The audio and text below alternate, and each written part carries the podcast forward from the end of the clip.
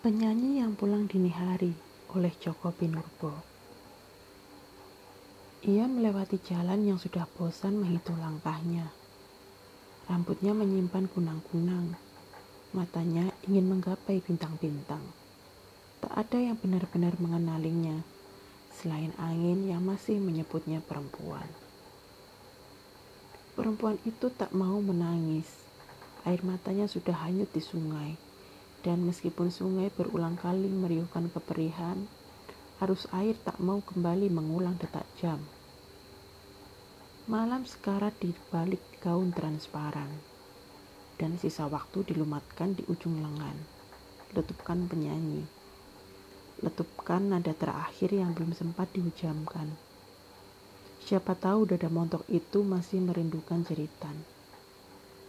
Tersaruk-saruk ia menyeret bayangan tubuhnya Gerimis hitam menggujur wajahnya yang beku, sehingga bedak dan lipstik luntur, melumuri gaunnya yang putih. Rambut coklatnya meleleh pekat, tapi singa luka itu tak mau pedih. Mungkin hatinya merintih. Maka kunang-kunang berpendaran di rambutnya, bintang-bintang berkerlapan di matanya. Ia menyanyi dan menari dan pinggulnya yang hijau mengibaskan bayangan hitam orang-orang mati. Tersuruk ia di sebuah tikungan, dan para peronda mau membawanya ke gardu. Tapi singa luka itu menggeram menyalang, dan para lelaki di hadiknya pergi. Hai perempuan, rumah mana bakal kau tuju? Awas hati-hati, di ujung jalan banyak polisi. Ah sialan, dasar pemberani. Sudah luka, masih juga menggoda. Tampaknya ia percaya sebuah rumah setia menanti. Seperti tamu asing, ia berhenti di depan pintu besi. Plat nomor telah rusak, tak lagi mencantumkan angka. Ia ragu apakah benar itu rumahnya. Tapi ia masih ingat BH usang yang tergantung di atas pintu, tanda sebuah dunia atau sepenggal kehidupan masih menunggu. Pintu besi telah mengunci diri, menutup hati bagi tamu yang ingin singgah.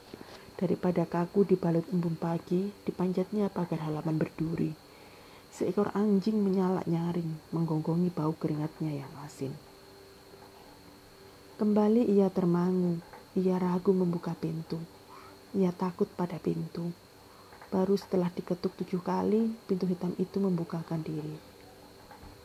Bukankah ini rumahmu? Apakah engkau takut atau lupa sama sekali? Ya, ini memang rumahku, Saban kali aku meninggalkannya, saban kali pula harus mengenalinya kembali. Ia tertegun, dadanya mengerut, disepak tentang lonceng jam 3 pagi. Ah pintu, engkau lebih mengenal rumahku ketimbang aku sendiri yang saban waktu merindukan dan kemudian meninggalkannya.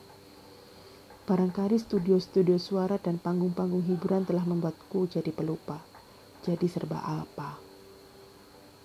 Perlahan ia melangkah ke ambang pintu. Angin jahat menyingkap ujung gaunnya yang tipis. Kakinya yang lembab melekat di lantai dingin. Terasa dunia jadi lain. Terasa dunia jadi lain. Di dinding hitam sebuah topeng terkekeh-kekeh menyeringai menertawakan tamu asing yang bertandang ke rumahnya sendiri. Apakah ada malaikat yang selalu membawa anak kunci? Kamar sudah menganga sebelum ia buka pintunya dan di atas meja rias yang porak-poranda sebuah boneka menari-nari. Astaga, ranjang hitam menggoyang-goyangkan diri. Kelambu telah habis dibakar mimpi. Sebuah radio tertidur di bantal biru. Tak henti-hentinya mengigau dan meracau. Wah, tampaknya ia tengah bercumbu dengan orang mati yang menciptakan gelombang sinaran dini hari. Ah, perempuan yang merindukan kebangkitan musim semi Kini tubuhmu tegak di hadapan cermin peretak. Bibirmu hangus dan mengelupas berdarah, berdarah-darah leher hijau yang diterkam musim panas. Kau mengaduh, aduh kepada siapa kau mengaduh? Kepada tatapan yang hancur luluh? Kepada cermin yang tak lagi utuh? Wah, jidatmu yang legam dilayari kupu-kupu hitam, diarungi cicak-cicak hitam, serba hitam. Perempuan itu tidak gila, tidak lupa pada jagat kata yang dihuninya seorang diri tanpa cinta. Tidak ada sanksi dan benci pada janji-janji baik yang diucapkan para kekasih yang mengurungnya dalam lingkaran ilusi. Ia tidak gila, hanya sepi berkepanjangan barangkali. Dan ia benar-benar perempuan, terbukti ia tabah tak mudah menyerah pada keinginan murahan untuk mencekik leher, memotong urat nadi. Memang ia mengambil pisau dari laci almari, tapi bukan untuk bunuh diri, ia cuma ingin menyembelih bayangan hitam yang berbondong-bondong di dinding lekang.